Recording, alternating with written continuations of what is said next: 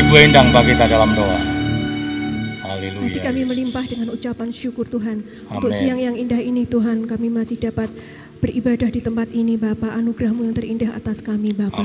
Pujian telah kami naikkan Tuhan dan bila menjadi dupa yang harum di hadapanmu. Yesus. Giliran Engkau Tuhan berbicara Tuhan dan kami Amin. akan duduk siap untuk mendengarkannya berbicara dengan bahasa yang kami mengerti Tuhan Haleluya. sehingga masing-masing kami menjadi apa yang kami dengarkan menjadi rema dalam kehidupan kami, kami menjadi pelaku-pelaku firman-Mu Tuhan. Yesus. Mari Tuhan, Engkau urapi hambamu Tuhan yang akan menyampaikan firman-Nya dan biarlah berasal dari Engkau saja. Terima kasih Bapa, hanya di dalam nama Yesus kami berdoa mengucap syukur. Haleluya. Amin. Amin. Puji Tuhan. Silakan duduk. Selamat pagi. Selamat kita boleh kembali bertemu dalam kasih Tuhan Kristus. Bapak, Ibu, Saudara diberkati pada pagi yang indah ini. Amin. Allah yang kita sembah adalah Allah yang ajaib, yang luar biasa, yang boleh menolong kita semua. Puji Tuhan. Tema firman Tuhan pada pagi yang indah ini adalah jangan putus asa.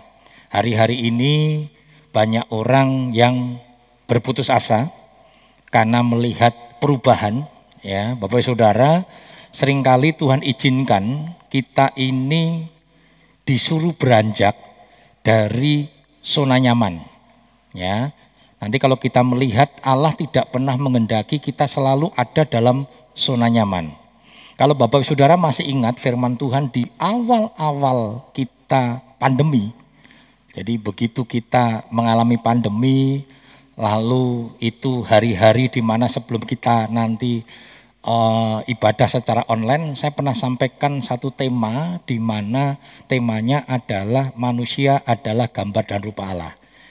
Ya, kita diciptakan berbeda dengan makhluk lain. Yang pertama, manusia itu diciptakan menjadi manusia kreatif, betul ya?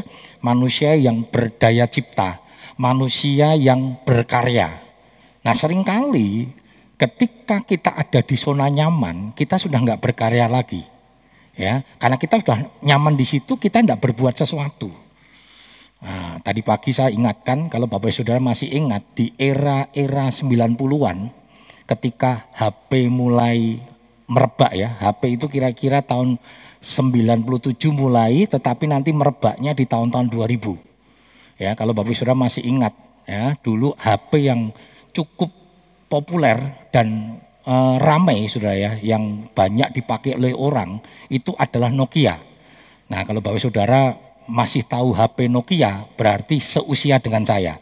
Ya dulu Nokia saudara. Kalau punya HP itu kalau enggak punya Nokia itu rasanya waduh ya. Dulu kalau sudah punya Nokia top saudara ya. Top. Saingannya Ericsson ya Ericsson. Lalu Ericsson dibeli oleh Sony kok Om Agus ngerti, berarti saya jadul saudara ya, saya jadul saudara ya. Saya sementara orang belum punya HP, saya sudah punya HP. Wah sombong, bukan sombong, itu berkat saudara ya. Ya itu berkat saja saudara, berkat karena apa namanya ada orang yang memberkati saya. Sampai waktu itu belum orang belum punya HP, SMS belum ada saudara ya. Jadi masih bel ya. Saya punya HP, orang masih ngebel saudara. Kadang saya bilang sama istri saya waktu saya keluar, "Mih, mbok kowe nanti ngebel lah." Miss call aja sudah gen ketoke kok nganggo gowo HP ora ono munine sudah ya. Kadang dibel sendiri. Kadang saya ngebel dewi sudah ya. Karena nggak ada yang ngebel sudah ya. SMS belum ada. Jadi saya tahu proses SMS gitu ya. Layarnya masih kecil-kecil dan sebagainya. Nah saudara Nokia pada waktu itu itu sudah top sekali ya. Orang punya Nokia. Samsung itu waktu itu masih produk gagal ya. Padahal Samsung sebenarnya dia berkreasi ya. Tetapi selalu produk gagal. Dia nggak eh, dia tidak punya kualitas yang bagus ya tidak punya kualitas yang bagus. Nah, Ericsson pernah ditanya ya, Ericsson tidak banyak mengembangkan pada waktu itu, ya tidak banyak mengembangkan ke layar lebar dan sebagainya. Nokia tidak terlalu mengembangkan ke sana. Jadi waktu ditanya, ya kenapa kok tidak mengembangkan lebih? Ah, tenang saja, Nokia itu sudah tidak ada yang bisa lawan. Sing ada lawan kalau orang Ambon bilang ya, tidak ada lawan sudahlah, tenang-tenang saja, tidak ada perusahaan yang bisa menyaingi sudah. Ya, akhirnya tidak berkarya. Samsung terus berkarya, sudah ya. Masih ingat ya, Samsung terus berkarya, berkarya, berkarya. Saya dulu orang yang sangat tidak suka dengan Samsung. Karena selalu dibilang produk gagal. Ya, saya pernah punya HP yang kecil Samsung kalau masih ingat ya. Sekali lagi bukan karena beli, nek beli ora cucuk sudah ya.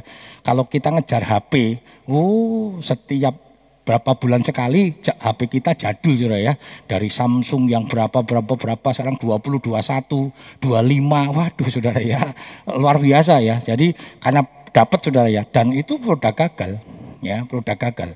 Nah, saudara, lalu Samsung mulai terus mengembangkan dirinya, berkarya, berkarya, berkarya. Waduh, saudara ya. Sekarang kalau bapak saudara punya ditanya, HP-mu apa? Nokia. Ah, apa dibilang? Jadul. Dulu kalau bilang Nokia, hebat. Sekarang HP ini apa? Ada yang punya masih punya HP Nokia? Saya kira percaya HP-nya jadul, saudara ya. Jadul, betul ya. Tapi sekarang coba lihat, Samsung menguasai, saudara. Sekarang betapa bangganya ya, orang punya Samsung. Wah Samsung, tablet Samsung. Dulu gagal. Sekarang produk-produk Samsung luar biasa. Kenapa?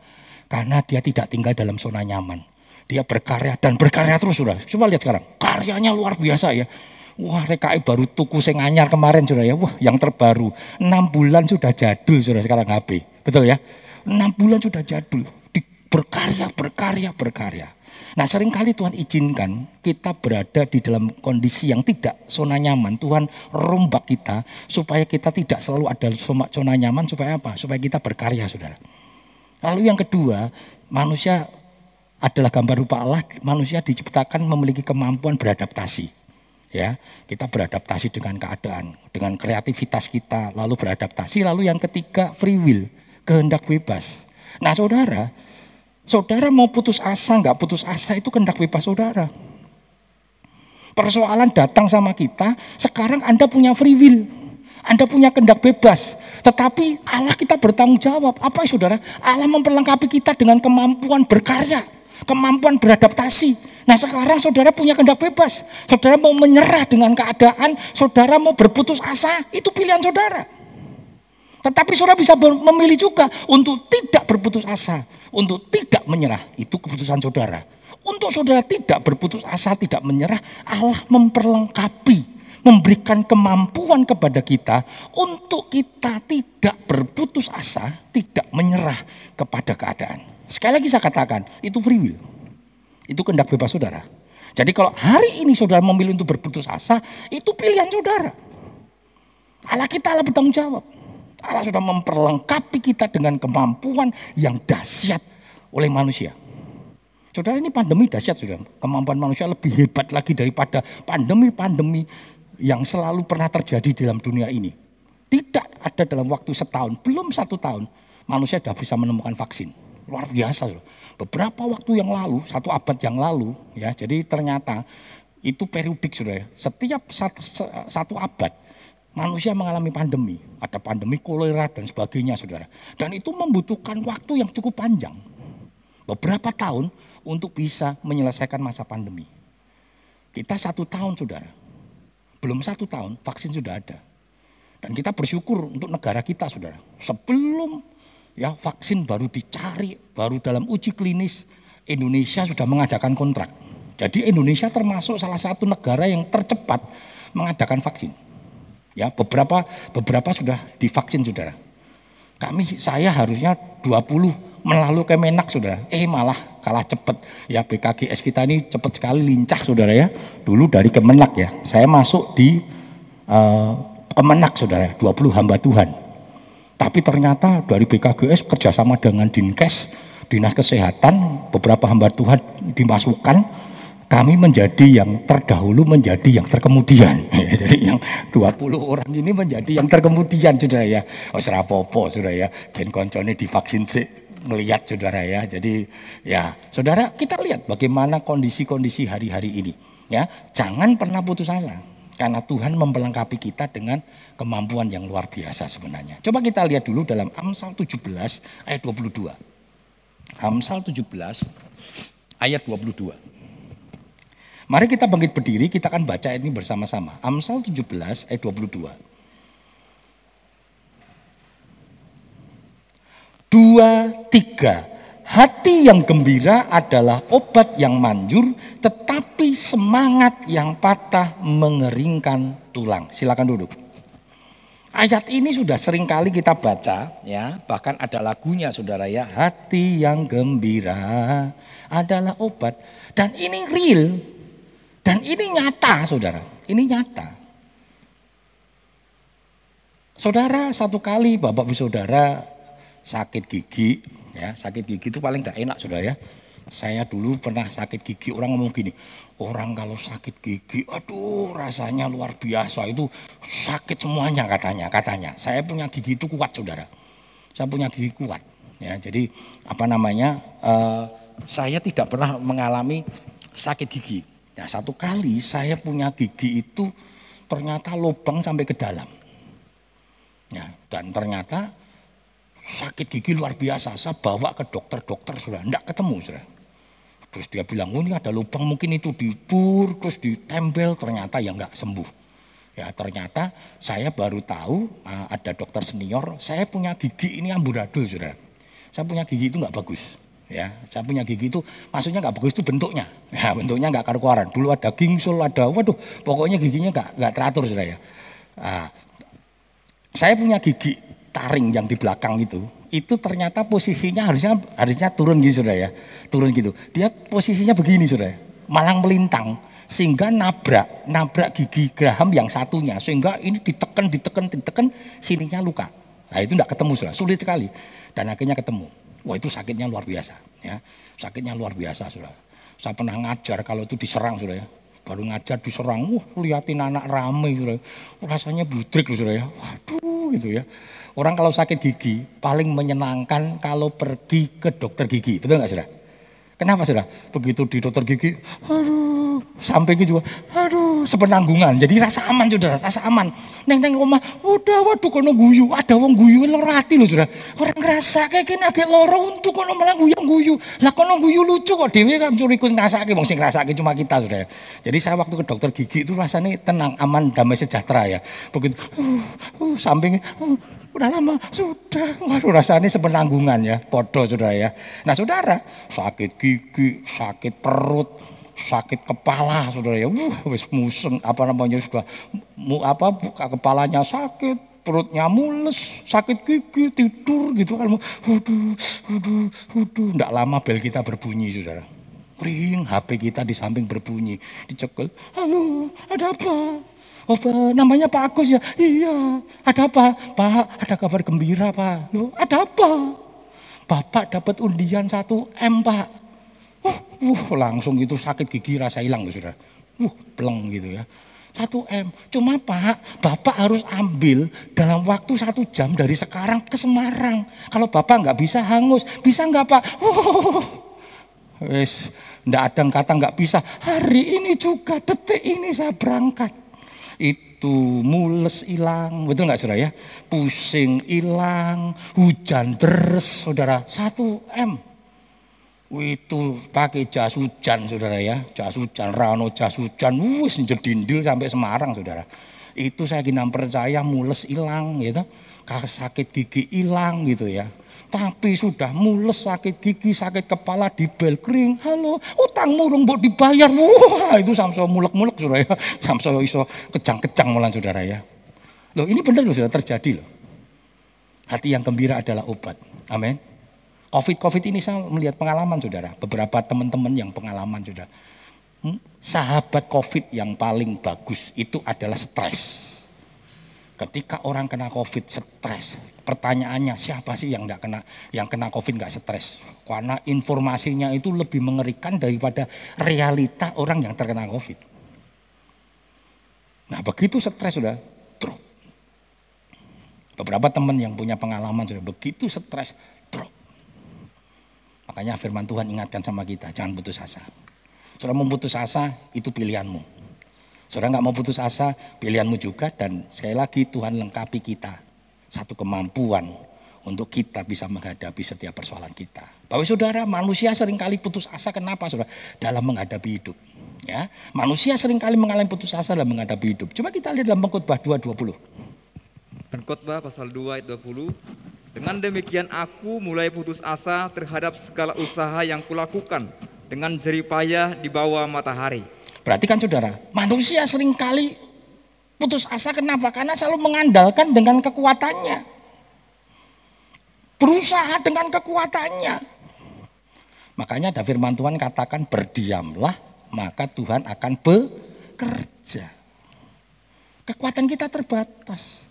Kemampuan kita sangat-sangat terbatas kalau saudara hanya menghadapi persoalan demi persoalan ini dengan kekuatan kita.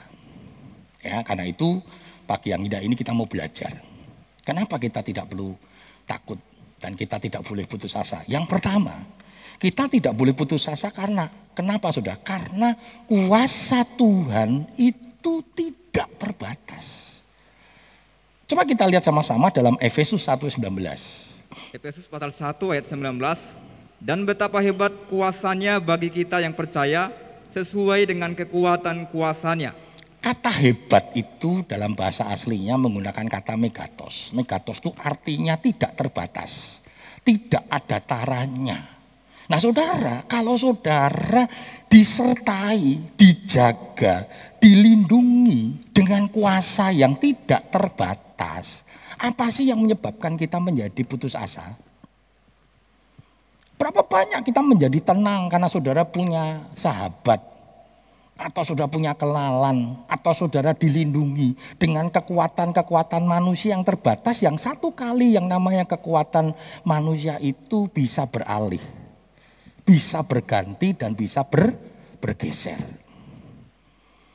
Di dalam pemerintahan kita era per era itu kan mengalami perubahan.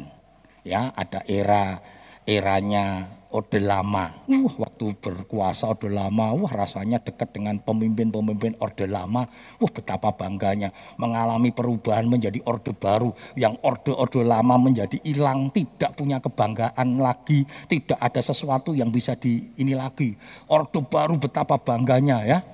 Dulu orang salaman sama Pak Harto sudah wah dipajang di apa namanya di rumahnya ya. Berapa banyak orang-orang diundang oleh Pak Harto. Apa naik salaman Pak Harto kenal? Enggak kenal saudara. Karena di sekretariat negara itu saudara orang-orang yang dipanggil oleh presiden itu ada tukang fotonya saudara.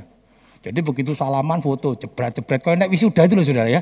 Ah, foto. Kan disuruh moto ya. Ayo kon moto-moto. Begitu keluar saudara beli. Saudara beli saudara kalau harganya berapa? 50. Enteni wae saudara. Sampai wis entek kabeh, Pak, mangewu. Ora gelem saudara. Ya saudara, dia juga mau di apa? Masuk disimpan di albumnya. Paling dibuat kayu bakar sama dia. Wajah kita dibakar saudara. Kan tidak mungkin disimpan sama dia. Ya enteni wae ya. Pak Mangewu Pak. Ya, saudara. Tadi kan dikasih sudah. Daripada dia bawa pulang buat apa? Ya sudahlah sana dibawa pulang dulu. Nah di istana juga begitu saudara. Jadi foto-foto cederet-cederet. Nanti pergi ke. Jadi di sana itu ada ada seperti tempat cedera matanya saudara ya. Ada tempat jualan saudara. Nah saudara ke sana nanti beli itu foto. Dan pasti larang regani saudara. Wah bangga-bangga saudara. Saya punya teman saudara. Wah di Villa Tangmangu saudara ya dipajang papa papahnya pernah salaman sudah dengan Pak Arto dia pengusaha sudah begitu era orde baru berakhir menjadi era reformasi waktu saya dolan ke sana saya tanya lu fotonya bapak mundi sing karo Pak Harto. Banter-banter orang takut saudara ya. Orang takut kan kenal sama Pak Harto dulu kan bangga-bangga. Itu yang namanya kuasa manusia yang ada di dalam dunia bisa beralih. Era reformasi luar biasa. Nanti nggak tahu nih ada era apa lagi nih. Kita kan nggak pernah tahu. Tapi yang namanya kuasa Tuhan itu zaman berganti zaman, era berganti era, dia tetap kuasanya tidak terbatas. Kenapa kita tidak menjadi tenang-tenang saja, saudara? Menghadapi berbagai macam persoalan. Ya, jadi kita ini dipelihara dengan kekuatan yang tidak terbatas loh. Engkau sakit, kuasa Tuhan lebih besar daripada sakit penyakitmu. Amin. Amin. Yang menyebabkan ini apa sih? Selama itu. Amin, amin. Alah, bagus, om Agus orang rasaki. Loroku ini mengini. Lah itu namanya sudah nggak percaya. Wis dikandani kok malah pendeta ini gembala ini sing diseringkal saudara. Percaya Tuhan itu lebih besar dari sakit penyakitmu. Harusnya kan amin, amin itu yo. Oh puji Tuhan diingatkan malah maitu saudara. Lah omahku serang ngrasake gen tak dungake gen ngrasake malah dungake gembalane saudara. Percaya saudara, Tuhan kita dahsyat. Saudara, mengandalkan kuasa Tuhan itu diberkati saudara. Ini firman Tuhan. Yeremia 17 ayat 7 hingga yang 8. Yeremia pasal 17 ayat 7 sampai 8. Diberkatilah orang yang mengandalkan Tuhan, yang menaruh harapannya pada Tuhan. Ia akan seperti pohon yang ditanam di tepi air, yang merambatkan akar-akarnya ke tepi batang air, dan yang tidak mengalami datangnya panas terik, yang daunnya tetap hijau, yang tidak khawatir dalam tahun kering, dan yang tidak berhenti menghasilkan buah. Perhatikan sudah, diberkati orang yang mengandalkan Tuhan. Mengandalkan Tuhan artinya hidupnya berani dipercayakan kepada Tuhan. Hidupnya dipercayakan kepada Tuhan berarti kita percaya sepenuhnya kepada Tuhan. Percaya sepenuhnya kepada Tuhan berarti kita percaya Tuhan itu punya kuasa yang dahsyat. Percaya kepada Tuhan berarti juga hidup sesuai dengan maunya Tuhan.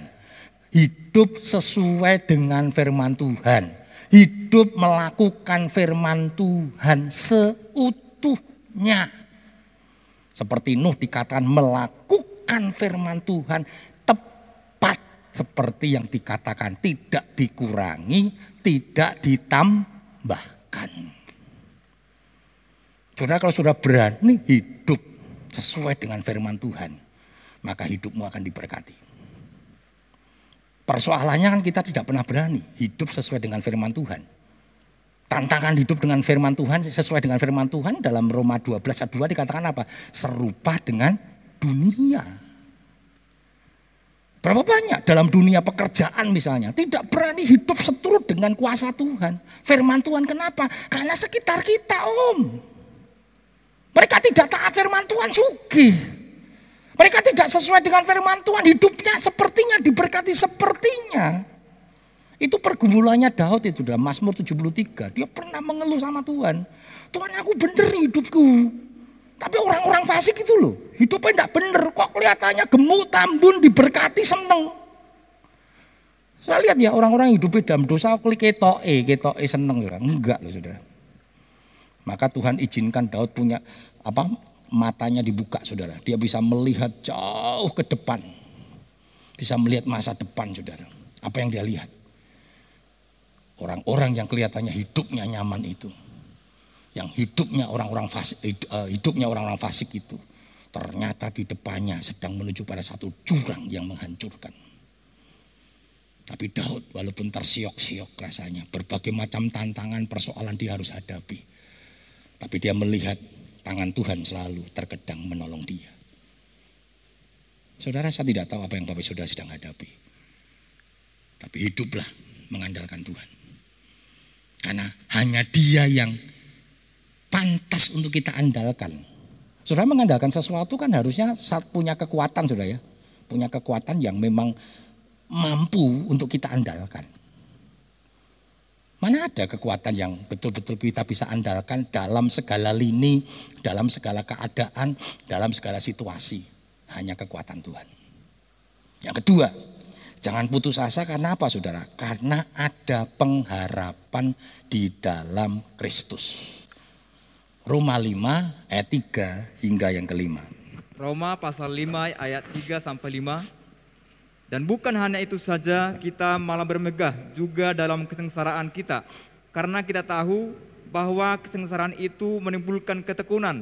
Dan ketekunan menimbulkan tahan uji, dan tahan uji menimbulkan pengharapan. Dan pengharapan tidak mengecewakan, karena kasih Allah telah dicurahkan di dalam hati kita oleh roh kudus yang telah dikaruniakan kepada kita. Saudara, kita boleh dibongkar oleh Tuhan dari zona nyaman. Kita boleh Tuhan izinkan kita dipindahkan dari zona nyaman. Ini kan bicara dipindahkan dari zona nyaman sudah dikatakan kesengsaraan, ketekunan, dan zona nyaman itu membuat kita menjadi pasif, menjadi lemah. Tetapi ketika kita dibongkar dari zona nyaman, Tuhan izinkan kita tidak tinggal dalam zona nyaman, ya, Dengan kita berada di satu keadaan itu kita harus berkreasi, kita tough. Maka kita bisa berkarya saudara. Ada banyak saudara. Akibat pandemi ini karya-karya yang muncul. Betul nggak saudara? Tanaman-tanaman agromema, eh betul agromema saudara. Satu enggak, enggak senang tanaman saudara. Ada yang ngitung, tante saya sudah ngitung, ini satu daun, satu juta. Eh, satu satu juta saya kontuku yomoh nek dikai yo gelem saudara. Dikai yang sepuluh daun saya mau saudara. Lu saya nggak seneng loh, tapi kalau dikasih mau menghormati saudara. Apalagi bar dikai ono sing ngenyang. Jangankan sepuluh itu satunya satu juta, sepuluh lima juta tak kasih saudara. Ngopo? Mending untuk limang yuto saudara, betul nggak? Wis diopeni satu daun ya satu juta diopeni sudah. Wis diopeni apa-apa dimakan bravo sudah. Bravonya mati itu gara-gara itu. Betul nggak sudah? Masih ingat cerita dulu gelombang cinta ya. Gelombang cinta Jemani saudara. Di pasih di di PP di depan rumah saudara Jemani. Sapinya pulang saudara. Ya sapi kan ramudeng Jemani regani larang. Wah dia bilang ada makanan enak saudara. Wah dimakan satu loh. Kok yo ya enak, ya enak wong gak rego satu juta, makanan seratus juta. Juragannya aja belum pernah makan seratus juta loh. Makan, wah begitu keluar saudara. Juragannya lihat jeman ini entek saudara. Melihat sapi ini baru gak nyemi saudara. Blutrik saudara. Itu sapi diajar sampai lempoh. Mati. Wis rugi 100 juta, rugi 30 juta karena sapi nek didol 30 juta, Saudara. Nah, Saudara kita lihat sama-sama. Ya. Banyak kreasi loh, Saudara. Gara-gara ini mahal.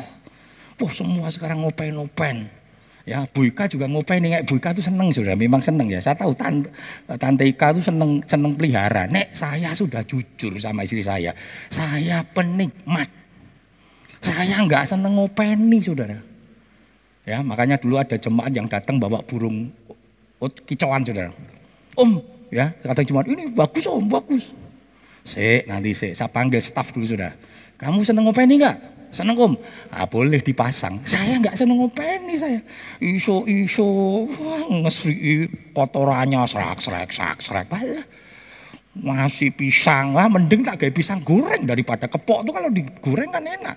Loro hati saya, gembalanya ma, urung mangan pisang goreng. Manu wis dikai pisang saudara ya. Saya nggak senang ngopen-ngopen saudara. Saya nggak senang ngopen-ngopen. Saya udah bilang, saya nggak suka. Tapi saya menikmat. Nah istri saya ngopeni, saya menikmati saudara ya, menikmati gitu ya. Tante Ika suka saudara ya. Suka ngopeni memang. Nah saudara, kita lihat sama-sama. Gara-gara tekanan ini saudara, banyak kreasi-kreasi baru. Dulu nggak mikir dodolan online, sekarang online semua. Makanan online semua. Ayo kreasi terus. Wes om gagal, orang popo, jangan menyerah. Orang-orang Brasil itu tidak pernah gagal sekali menyerah. Gagal puluhan ribuan kali bahkan. Coba lihat keberhasilan orang-orang di saudara. Kita bisa menikmati fasilitas teknologi ini kalau nanti kita lihat sejarah saudara. Saya senang saudara ada buku-buku tentang eh, sejarah-sejarah penemu-penemu saudara. Itu tidak gagal sekali, dua kali, sepuluh kali, naik cuma seratus itu sering kali itu masih sedikit saudara. Ribuan kali gagal. Tapi tidak putus asa, tidak menyerah. Jadi kalau saudara baru nyoba pisan gagal, nyerah, wah lebay namanya saudara. Lebay ya, betul lebay saudara. Jangan. Terus. Terus. Jangan menyerah, sudah. Jangan menyerah. Jangan menyerah. Kenapa, sudah? Di ujung kreativitas kita ada yang namanya pengharapan. Dan pengharapan itu sebuah kepastian di dalam Tuhan. Ya, yang ketiga, tak boleh menyerah. Yang pertama, kuasa Tuhan dahsyat. Yang kedua, karena selalu ada pengharapan di dalam Tuhan. Yang ketiga, kenapa kita tidak boleh putus asa? Karena Tuhan selalu mengontrol dan memberikan jalan keluar. Ketika engkau saat ini gagal, Dengan kondisi pandemi engkau sudah berupaya, engkau gagal. Ingat, Tuhan tahu. Tuhan sedang mengontrol itu. Jangan berpikir ketika engkau gagal Tuhan diam. Tidak, Tuhan izinkan, biarkan itu gagal. Supaya kita coba lagi, coba lagi, coba lagi. Pernah melihat anak kita belajar jalan sudah ya? Pernah jatuh nggak anak kita waktu belajar jalan? Pernah jatuh nggak? Pernah. Waktu jatuh terus, waduh, wes ojo melaku. Begitu dia beli, ojo nanti jatuh lagi. Itu namanya orang tua yang bodoh itu. Enggak apa-apa. Kejedut merempul, ya sudah. Namanya dia harus belajar kok. Belajar bahwa yang namanya kejedut kepala itu kalau diadu dengan lantai pasti apa? Benjut itu bahasa Indonesia apa, Saudara? Hah? Apa? Benjol. Ah, benjol, Saudara. Anak itu kan tahu, Saudara. Anak itu kan tahu, pasti ngalami titik itu. Terus kena bisa tahu orang tua anak itu, jangan-jangan. Pernah belum Raja Wali sudah ya, pernah dengar cerita ya. Dia sengaja dilempar sudah. Saya lihat itu belum putar sudah. Belum putar itu kalau sudah kurkuk, kurkuk, ada betina, ah, ngendok meneh. Sampai saya bilang sama anak saya, wis, ah, siapa yang punya teman ambil aja itu lama-lama banyak sekali itu. Ya, dingkremi, dingkremi, dingkremi sampai lahir, sampai lahir sudah mulai ada bulu. Saya lihat ternyata dia sengaja dilempar itu anak. Dilempar dari sarang, sudah. Kenapa? Kalau dekem terus di situ, nggak bisa terbang dia. Sengaja dilempar. Dan akhirnya dia bisa terbang. Sudah. Jadi Tuhan izinkan kita menghadapi situasi yang tidak nyaman supaya apa? Kita kreasi. Yang penting jangan menyerah. Ya. Lalu yang kedua, yang ketiga itu apa? Tuhan kontrol itu. Tuhan ngerti. Tuhan ngerti apa yang sedang kuhadapi hari. Jangan berpikir Tuhan tidak ngerti. Saudara ngeluh boleh sama Tuhan karena Tuhan seneng ya. Saudara hancur hati di hadapan Tuhan ketika menghadapi kegagalan. Enggak apa-apa. Lebih baik ngeluh sama Tuhan, nangis di hadapan Tuhan ketika engkau gagal daripada engkau di Facebook daripada di sosial media. Di Instagram, wah ngeluh cerita apa Instagram bisa nolong saudara. Yang ada kadang dibully malah, betul nggak? Tapi datang sama Tuhan, nangis sampai Tuhan. Hancur hatilah di hadapan Tuhan karena Tuhan katakan Tuhan itu menampung air mata kita di kirbatnya Tuhan. Itu lebih berkenan di hadapan Tuhan. Tuhan berkata, Tuhan dekat dengan orang yang hancur hati. Jangan salah rendak pernah curhat sama Tuhan, curhatnya neng Facebook. Ya, Facebook sekarang tuh waduh, makanya kalau ada undang-undang ITE sudah itu bagus sekali.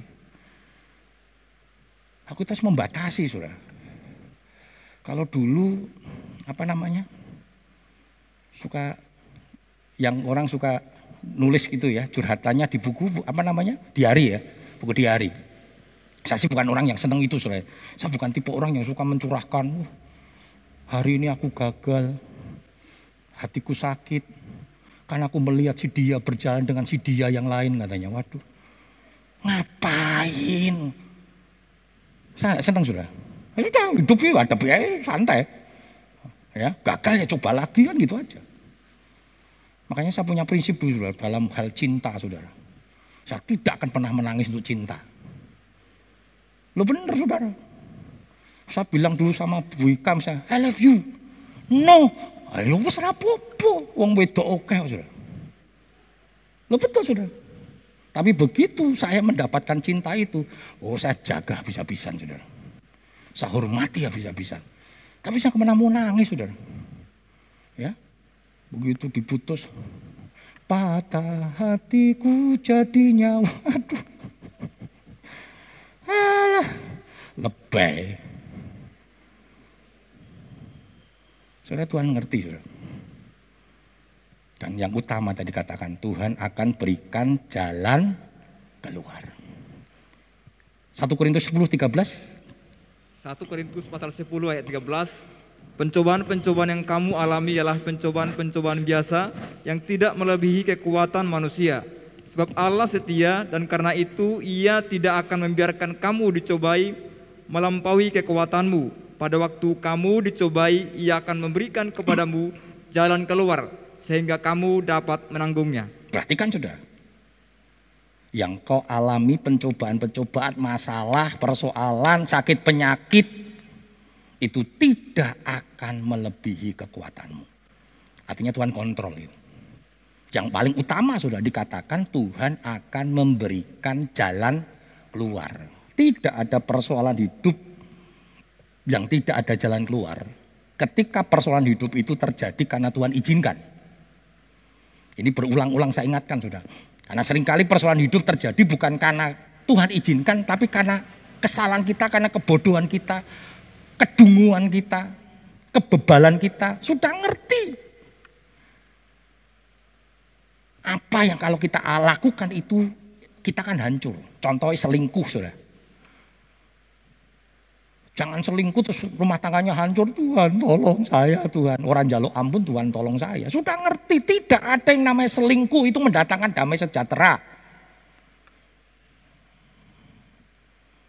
Ada saya pernah melayani saudara, orang selingkuh saudara.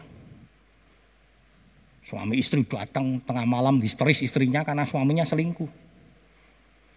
Lalu saya panggil istrinya saya suruh konseling istri saya, suami saya konseling saudara. Saya tanya, piye toh kamu itu? Kenapa kamu selingkuh? Tinggalkan, tidak bisa om. Ya sudah, kalau tidak bisa tinggalkan, ya tinggalkan istrimu. Nah itu om, saya minta tolong dukungan om katanya. Loh, hebat saudara ini kan luar biasa saudara. Masih tahu Tuhan loh supaya Tuhan tolong maksudnya. Tolong piye? Om, doakan om supaya istri saya bisa menerima selingkuhan saya. Oh, saya bilang, saya orang bertobat tak ajar gue saya bilang. Nek cuma ngajar kamu aja bisa saya bilang. Untung saya bertobat. Enggak ada saya bilang. Dan enggak pernah bisa terjadi. Narkoba, sudah enggak usah nyoba-nyoba. Sudah terlalu banyak contoh. Pasti hancur. Ini kan kebebalan namanya. Nah, kalau yang model-model bebal begini persoalan karena kebebalan kita ya bertobat minta ampun. Keuangan karena kita nggak bisa mengelola keuangan. Ada pepatah katakan besar pas jangan besar pasak daripada tiang ambruk. Tiang ini kalau lebih kecil daripada daripada atapnya sudah hancur.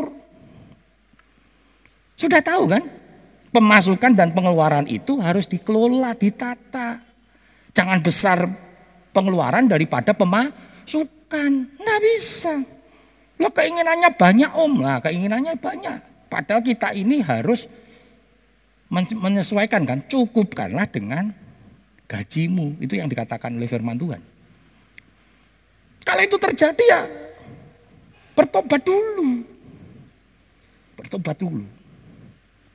Dan ketika engkau ada dalam jalannya Tuhan, maka Tuhan akan kontrol hidupmu. Bahkan Tuhan akan memberikan jalan keluar bagi setiap persoalan hidup. Tapi saudara Tuhan sanggup mengontrol dan sanggup menolong bahkan ketika manusia tidak dapat menolong. Mazmur 40 ayat 3 sampai 4. Mazmur pasal 40 ayat 3 sampai 4. Ia mengangkat aku dari lubang kebinasaan, dari lumpur rawa, ia menempatkan kakiku di atas bukit batu, menetapkan langkahku, ia memberikan nyanyian baru dalam mulutku untuk memuji Allah kita. Banyak orang akan melihatnya dan menjadi takut, lalu percaya kepada Tuhan. Perhatikan saudara, berapa banyak kita ngalami. Manusia nggak bisa tolong kita. Kita nggak bisa lagi mengandalkan kekuatan manusia, sahabat, bahkan orang tua kita, bahkan suami, istri kita nggak mampu menolong. Tapi di kondisi saat itu, saudara, kuasa Tuhan masih mampu dan sanggup menolong kehidupan kita. Selama kita hidup sesuai dengan jalannya Tuhan. Dan kita mempercayakan hidup kita kepada Tuhan. Maka Tuhan akan menolong. Masih ingat kesaksian yang pernah saya sampaikan. Ada seorang yang ter, terlibat dalam hutang, terlilit utang. Lalu mencoba mengandalkan kekuatan manusia utang karena kesalahannya dia sendiri saudara ya. Buka lubang tutup lubang hati-hati saudara ya. Seringkali terjadi karena kesalahan kita. Buka lubang tutup lubang. Kita punya utang untuk nutup utang kita pinjam dari orang lain atau bank lain yang bunganya lebih gede buat nutupi lubang. Lama-lama lubangnya nggak bisa ditutupi lagi, saudara. Seringkali terjadi kesalahan persoalan ekonomi karena kesalahan kita. Sudah mentok, saudara. Dia coba lari kepada pengusaha-pengusaha Kristen kaya. Dia berharap, dia berkata begini, utang saya ini kalau dibanding kekayaan pengusaha Kristen itu, itu 0,000 sekian persennya masih. Tapi ternyata pengusaha-pengusahanya pelit kabeh pengusaha Kristen. Tidak ada yang bantu saya, hanya berkata berdoa bro. Tuhan tolong. Saya tanya begini, kira-kira doa, eh, nasihatnya orang Kristen betul nggak sudah? Pengusaha itu betul nggak sudah? Berdoa bro, Tuhan tolong, betul nggak? Ya benar tuh. Salahnya di mana? Ya ora salah om, emang berdoa aku berdoa. Ora, aku ora berdoa, aku ora tenanan. No. Buktinya kamu kandalkan manusia saya bilang gagal, pergilah ke pendeta-pendeta sukses di kota Solo. Harapannya nek pengusaha kan pelit. Nek pendeta orang pelit katanya sudah. Datanglah ke pendeta. Jawabannya apa? Ternyata sama pendetanya luwe pelit katanya. Orang nggak duit bertambah puasa meneh. Wah, aku prihatin kon poso. Aku ora usah poso, wis poso iki. Karena mau mangan ra ono. Punya duit iki sik kon nambah poso. Orang ngerti apa aku tambah kurus kering ini, bukti kan poso. Saya bilang begini, salah apa pendeta itu ngomong? Ya enggak salah, ora salah wong kon sembahyang kalau poso. Lah kamu dewi yang enggak percaya sama Tuhan saya bilang. Nah, kamu datang ke sini salah saya bilang. Pendeta sugih ora iso apalagi saya saya bilang. Enggak, dia bilang saya minta solusi. Saya bilang bertobat. Kuncinya udah gitu aja saya bilang. Bertobat kamu. Lu saya wong Kristen om. Ya wong Kristen ora bertobat kowe bilang. Buktinya wis utang, utang goro-goro kowe sing njaluk orang lain yang nolong setelah itu kamu mencemarkan nama baik mereka, betul nggak sudah? Wah pelit, pelit, pelit, pelit gitu. Datang sama Tuhan. Datang sama Tuhan. Dan yang kedua, hidup sesuai dengan firman Tuhan. Maksud TP, bayar utangmu. Orang duit uang om. Duit apa kamu? Rumahmu milik siapa? Rumah milik saya di perumahan. Betul rumahmu saya bilang. Membayar utang. Tidak cukup. Orang cukup berapa pokoknya ada upaya jual saya bilang. Punya apa lagi? Motor. Jual motormu. Bertanggung jawab. Tidak usah lari. Nggak ono penagih hutang lari. Jangan. Hadapi mesake anakmu. Setiap kali nagih hutang bilang ya, papi nggak ada di rumah. Mau ditanya, papamu ada? Kata papi, papi suruh bilang nggak ada di rumah. Wah, begitu ini lunga anak yang diajar. Goblok ya, apa diajari diajari papi, suruh bilang papi nggak ada di rumah. Kan sudah bener pi ngomong, rasa ngomong disuruh papi katanya. Waduh, wah anak disuruh bohong sudah. Dan hari itu dia bertobat. Dia datangi, tidak nunggu penagihnya, dia datangi orang-orang yang dia utangi sudah. Dan ternyata mereka tidak mengizinkan rumahnya dijual, mereka tidak mengizinkan motornya dijual, disuruh berusaha, pokoknya yang penting nyicil. Dan dia mulai bekerja dengan baik. Bukan berarti besoknya utangnya lunas, saudara. Dia butuh dua tahun untuk menyelesaikan hutangnya. Habis lunas. Satu tahun, saya di, eh, satu tahun setelah peristiwa itu saya diundang untuk syukuran. Saya berkata, tapi syukuran apa? Utang lunas? Belum, om masih 50 persen. Tapi saya bersyukur, satu tahun 50 persen. Dan tahun kedua selesai, lunas. Saya diundang lagi, bersyukur utangi lunas. Tahun ketiga saya diundang lagi. Kenapa? Dia mendapatkan rumah yang lebih besar daripada rumah yang kemarin. Saya disuruh mendoakan. Dan sekarang dia membuat tim doa. Namanya PS Daud, pendoa syafaat Daud. Dan dia dipakai Tuhan mendoakan. Dia punya persoalan yang sama, saudara kesaksian yang dia mau katakan. Di tengah kondisi orang nggak pernah tahu. Orang nggak bisa menolong. Tetapi kalau engkau berani datang sama Tuhan. Karena Tuhan tidak pernah membiarkan kita. Tuhan ngontrol kita. Bahkan Tuhan akan memberikan jalan keluar bagi setiap persoalan sesulit dan sebesar apa pun bagi Tuhan tidak ada yang mustahil. Jangan putus asa. Karena Tuhan Allah kita dahsyat. Karena selalu ada pengharapan di dalam Tuhan.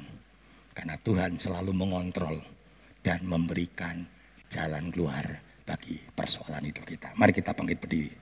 Segala perkara Tuhan punya rencana yang lebih besar dari semua yang terpikirkan. Apa pun yang kau perbuat, tak ada maksud jahat. Haleluya. Haleluya. Haleluya Yesus. Buat segala anugerah Tuhan di dalam hidup kami. Kami ada semua karena berkat-berkat Tuhan. Kami telah mendengar firman-Mu yang sungguh membuat kami bangkit dari setiap zona nyaman kami ya Tuhan.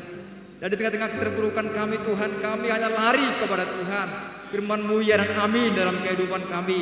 Karena kami tahu Allah mengontrol segala sesuatu dalam kehidupan kami. Engkau tidak pernah meninggalkan kami. Terima kasih Tuhan berkati hambamu yang menyampaikan firman-Mu untuk menyampaikan sabda hatimu ya Tuhan.